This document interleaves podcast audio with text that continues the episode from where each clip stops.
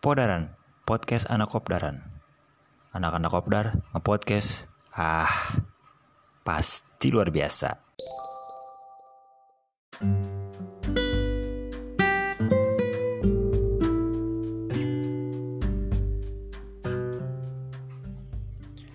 Oke, kembali lagi bersama Jafar di Podaran Podcast Anak Kopdaran.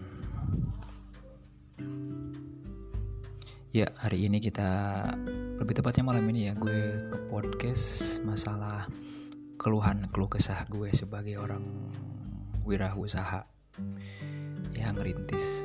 Ya kita mau sharing-sharing aja sih. Kenapa di dunia usaha sekarang ini apalagi UMKM menengah ke bawah apalagi yang kecil-kecil kayak kita orang ini kok kayaknya um, daya beli masyarakat untuk membeli produk kita itu minim. Nah, kita kasih pencerahan. Mungkin ini beberapa riset gua sendiri sih ngelihat pas pangsa pasar di di di di antara pandemi COVID-19 ini ya salah satunya mungkin kita bakal bahas di podcast kali ini, oke? Okay? Tetap di Podaran Podcast Anak Kopdaran. Ya, seperti gue bilang tadi di pembukaan podcast ini, gue bakal ngasih tahu kalian bahwa kenapa sih nih di masa pandemi ini, pandemi COVID-19 ini banyak UMKM-UMKM yang gulung tikar mungkin lebih parahnya. Ya gue sendiri sebagai pelaku usaha menengah ke bawah yang ada di barisan paling bawah aku merasa kayak aduh kayak berat banget buat survive di pandemi kayak begini gitu. Oke gue bahas salah satu ya. Yang pertama terlepas dari isu-isu corona yang ada bahwa kita harus bisa survive untuk masalah uh, bertahan hidup.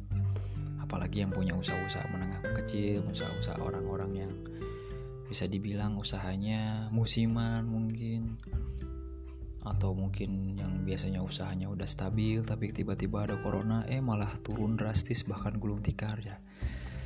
Yang pertama itu kita melihat daya satu daya jual atau ada maaf daya beli masyarakat yang kurang. Maksudnya gimana nih bro? Kok daya beli masyarakat kurang? Kan banyak nih orang-orang yang masih kerja di di di antara wabah-wabah gini. Ya memang betul banyak tapi ada beberapa aspek atau um, instansi-instansi khusus swasta yang beliau bergerak di bidang pangan seperti itu. Nah saya pribadi atau gue pribadi jual atau berwirausaha di bagian pangan dan makanan tapi lebih ke minumannya.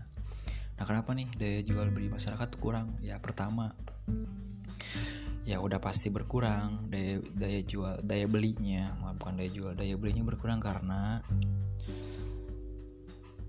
orang yang beli di produk orang yang beli produk kita atau produk minuman kita makanan apa pun itu itu atau bawa barang ataupun apa itu buat kebutuhan yang bukan kebutuhan net notabene bukan kebutuhan sehari-hari melainkan kebutuhan ah gue pengen bisa ikut nih bisa minum ini nih bisa enak nih makan sesekali ini. Nah kenapa seperti itu? Karena ya pertama daya daya beli masyarakat yang kurang itu disebabkan karena mungkin orang yang mau membeli produk kita itu adalah karyawan swasta taruhlah. Karyawan swasta ini kan kebanyakan nih sekarang ada PSBB peraturan pembatasan sosial berskala besar ada beberapa instansi swasta maupun pemerintahan yang memang ditutup di PSBB ini secara total karena mungkin menekan angka penambahan daripada ODP, PDP ataupun positif corona tersebut. Nah, ketika udah dibatasi, otomatis kan orang yang bekerja atau karyawan yang bekerja di instansi tersebut secara finansial beliau mungkin ada secara gaji cuman ketika ada peraturan untuk PSBB ada beberapa instansi yang tutup dan dirumahkanlah orang tersebut. Nah salah satu mungkin dari sekian ribu banyak orang di Indonesia yang terdampak dari PSBB nya itu ada yang kena di PHK ada yang kena dirumahkan dulu. Nah sedangkan yang gue denger dari teman-teman gue itu ada yang dirumahkan dengan gaji yang setengah dari gaji atau 50% dari gaji biasanya. Ada yang 75% dari gaji biasanya mereka dapat per bulan itu. Nah dari gaji sinilah daya beli masyarakat atau daya beli orang-orang yang mau membeli produk kita baik itu minuman makanan baju apa pun itu yang kita jual untuk kebutuhan baik sekunder atau primer itu terbatas bro. Jadi kadang orang lebih mengalokasikan dananya itu ke ke hal-hal yang bisa survive lebih jauh. Misalkan nih dalam harga taruhlah kita beli nasi padang berapa sih? Misalkan taruh 15 ribu lah paling murah. Nah kenapa nggak bisa? Uh, kurang laku 15 ribu kadang-kadang 10 ribu nih. Cuman bermodalkan mungkin dengan daging rendang yang kecil singkong dan sambal khas padangnya itu taruhlah seperti itu. Kita bisa jual eh, jual 15 ribu. Cuman orang nggak bisa jual atau nggak orang itu nggak bisa beli atau konsumen kita itu nggak bisa beli 15 ribu. Karena mungkin mungkin ya anggapan gue secara riset gue dia lebih mentingin 15 ribu nah mending beli nasi sekalian sama lauk lauknya gitu. Lebih bisa ditabung mungkin seperti itu. Jadi kenapa kayak ngeluh nih? Gue juga ngerasa selaku tukang jual istilah tukang jual produk gue di produk minuman kenapa nih produk minuman gue kurang laku atau kenapa nih eh, kedai gue kurang laku? Ya karena itu tadi ada daya jual daya beli masyarakat yang kurang daya beli konsumen yang biasanya kita kita layani itu jarang datang mungkin sesekali satu dua kali. Sebelum ada covid mungkin bisa seminggu tiga kali atau empat kali datang tapi setelah ada covid satu kali dua kali juga udah syukur. Atau bahkan sampai nggak nggak sama sekali nggak ada gitu. Karena ya emang tadi daya jualnya berkurang itu ditambah karena memang peraturan dari pemerintahan harus ada PSBB harus ada social distancing physical distancing seperti itu. Dan lebih lagi sih emang menurut gue sih ya itu pertama daya beli masyarakat yang kurang. Karena orang membeli pun dia mikir dulu karena kebutuhan di rumahnya atau kebutuhan sendirinya juga belum tercukupi gitu. Apalagi gue pengen ah sesekali pengen makan taruhlah KFC atau sesekali pengen makan Burger King lah. Apalagi di Purwakarta yang notabene nya uh, apa ya kota berkembang lah. Kota berkembang dengan banyak franchise-franchise yang besar ada di Purwakarta. Ya mungkin sesekali orang pengen merasakan KFC, Burger King, Ricis atau apalah itu. Ataupun nongkrong di tempat-tempat kopi yang cozy banget buat buat santai buat chill chill gitu. Ya kita juga nggak bisa nyalahin ya. Karena memang saya mewakili gue mewakili gitu gue mewakili beberapa orang beberapa teman-teman rekan yang bergerak di UMKM menengah ke bawah itu ya pasti merasakan imbasnya daripada COVID-19 ini atau COVID-19 ya ya gue sih cuman bilang ini salah satu faktornya itu daya jual. Eh daya beli masyarakat yang kurang. Gue salah mulu dari tadi. Daya beli masyarakat yang kurang. Karena dampak daripada pembatasan sosial berskala besar. Gue tidak menyalahi aturan ini itu bagus untuk menekan. Tapi di sisi lain ya ini yang kita rasakan sebagai pegiat usahawan kecil menengah ke bawah istilahnya seperti itu. Gue juga kena imbasnya teman-teman gue juga di kedai balan ngopi juga. Gue kena imbasnya. Ya mau nggak mau ya kita harus apa ya harus legowo nerima ini ya. Ini namanya musibah. Mungkin ada ada ada hal baik di balik itu semua nanti pada akhirnya. Allahumma amin ya. Mudah-mudahan kalian juga berdoa agar wabah ini cepat berlalu. Kita bisa uh, menjalankan aktivitas seperti biasanya seperti itu. Nah, yang kedua mungkin selain daya beli masyarakat yang kurang, yang kedua mungkin ada kemungkinan besar eh, pembatasan ruang gerak atau social distancing, physical distancing itu yang mengakibatkan orang juga enggan untuk keluar dan lebih memilih mungkin eh, beli secara online atau beli secara secara eh, daring lah istilahnya kan. Banyak tuh seorang Gojek Gojek Grab apalah itu yang memang kalau kita masih kan tinggal lewat eh, handphone kita gitu.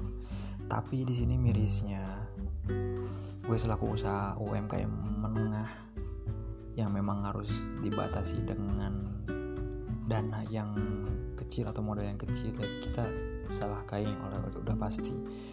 Kenapa? Eh, pengaruh physical distancing yang kedua ini ya gue mikirnya bahwa ada beberapa poin di di di eh, apa namanya PSBB ini yang harus kita benahi bersama gitu. Maksudnya sambil berjalan PSBB-nya kita juga harus sambil benahi bersama. Apa sih yang harus dibenahi? Ya mungkin salah satunya itu tadi um, alokasi dana yang menurut gue dari prakerja itu kan orang dikasih dana untuk sejuta buat ikutan les atau pelatihan.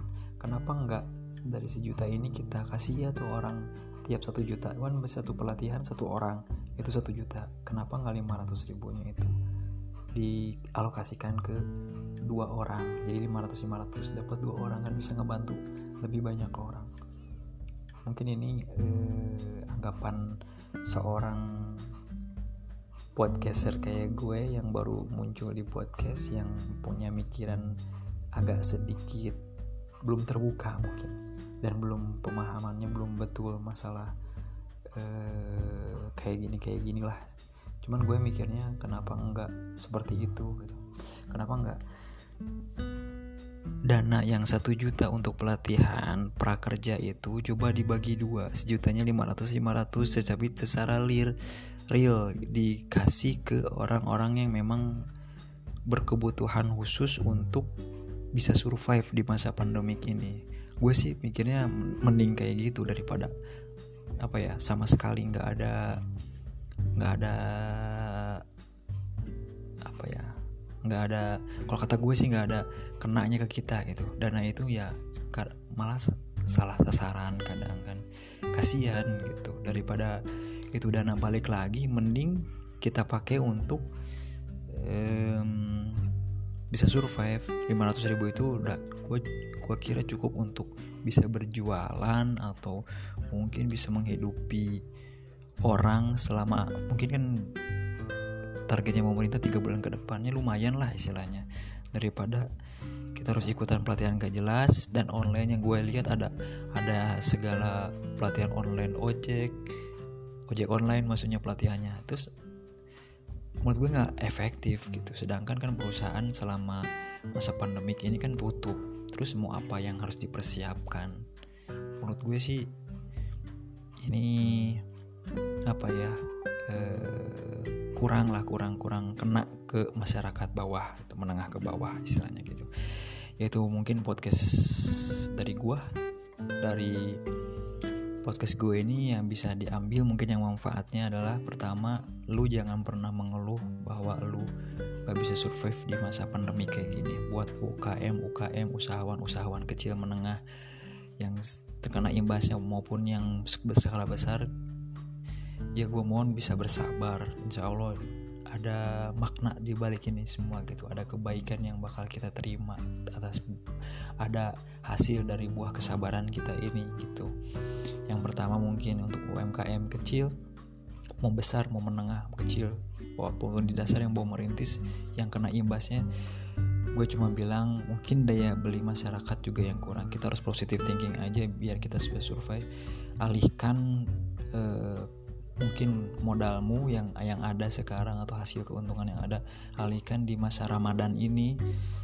Buatlah kayak kol-kolak ataupun gorengan-gorengan yang bisa bisa bisa diputarkan untuk menu takjil. Mungkin pas orang-orang berbuka kan karena mungkin jarang juga orang bisa uh, keluar gitu untuk sekedar beli ini. Ya mungkin orang juga Indonesia ya sukanya insan-insan yang mudah-mudahan bisa diputarkan untuk hasil itunya keuntungannya untuk modal bikin takjil lah gitu biar orang bisa putar lagi uangnya mungkin labanya nggak seberapa cuman bisa membantu.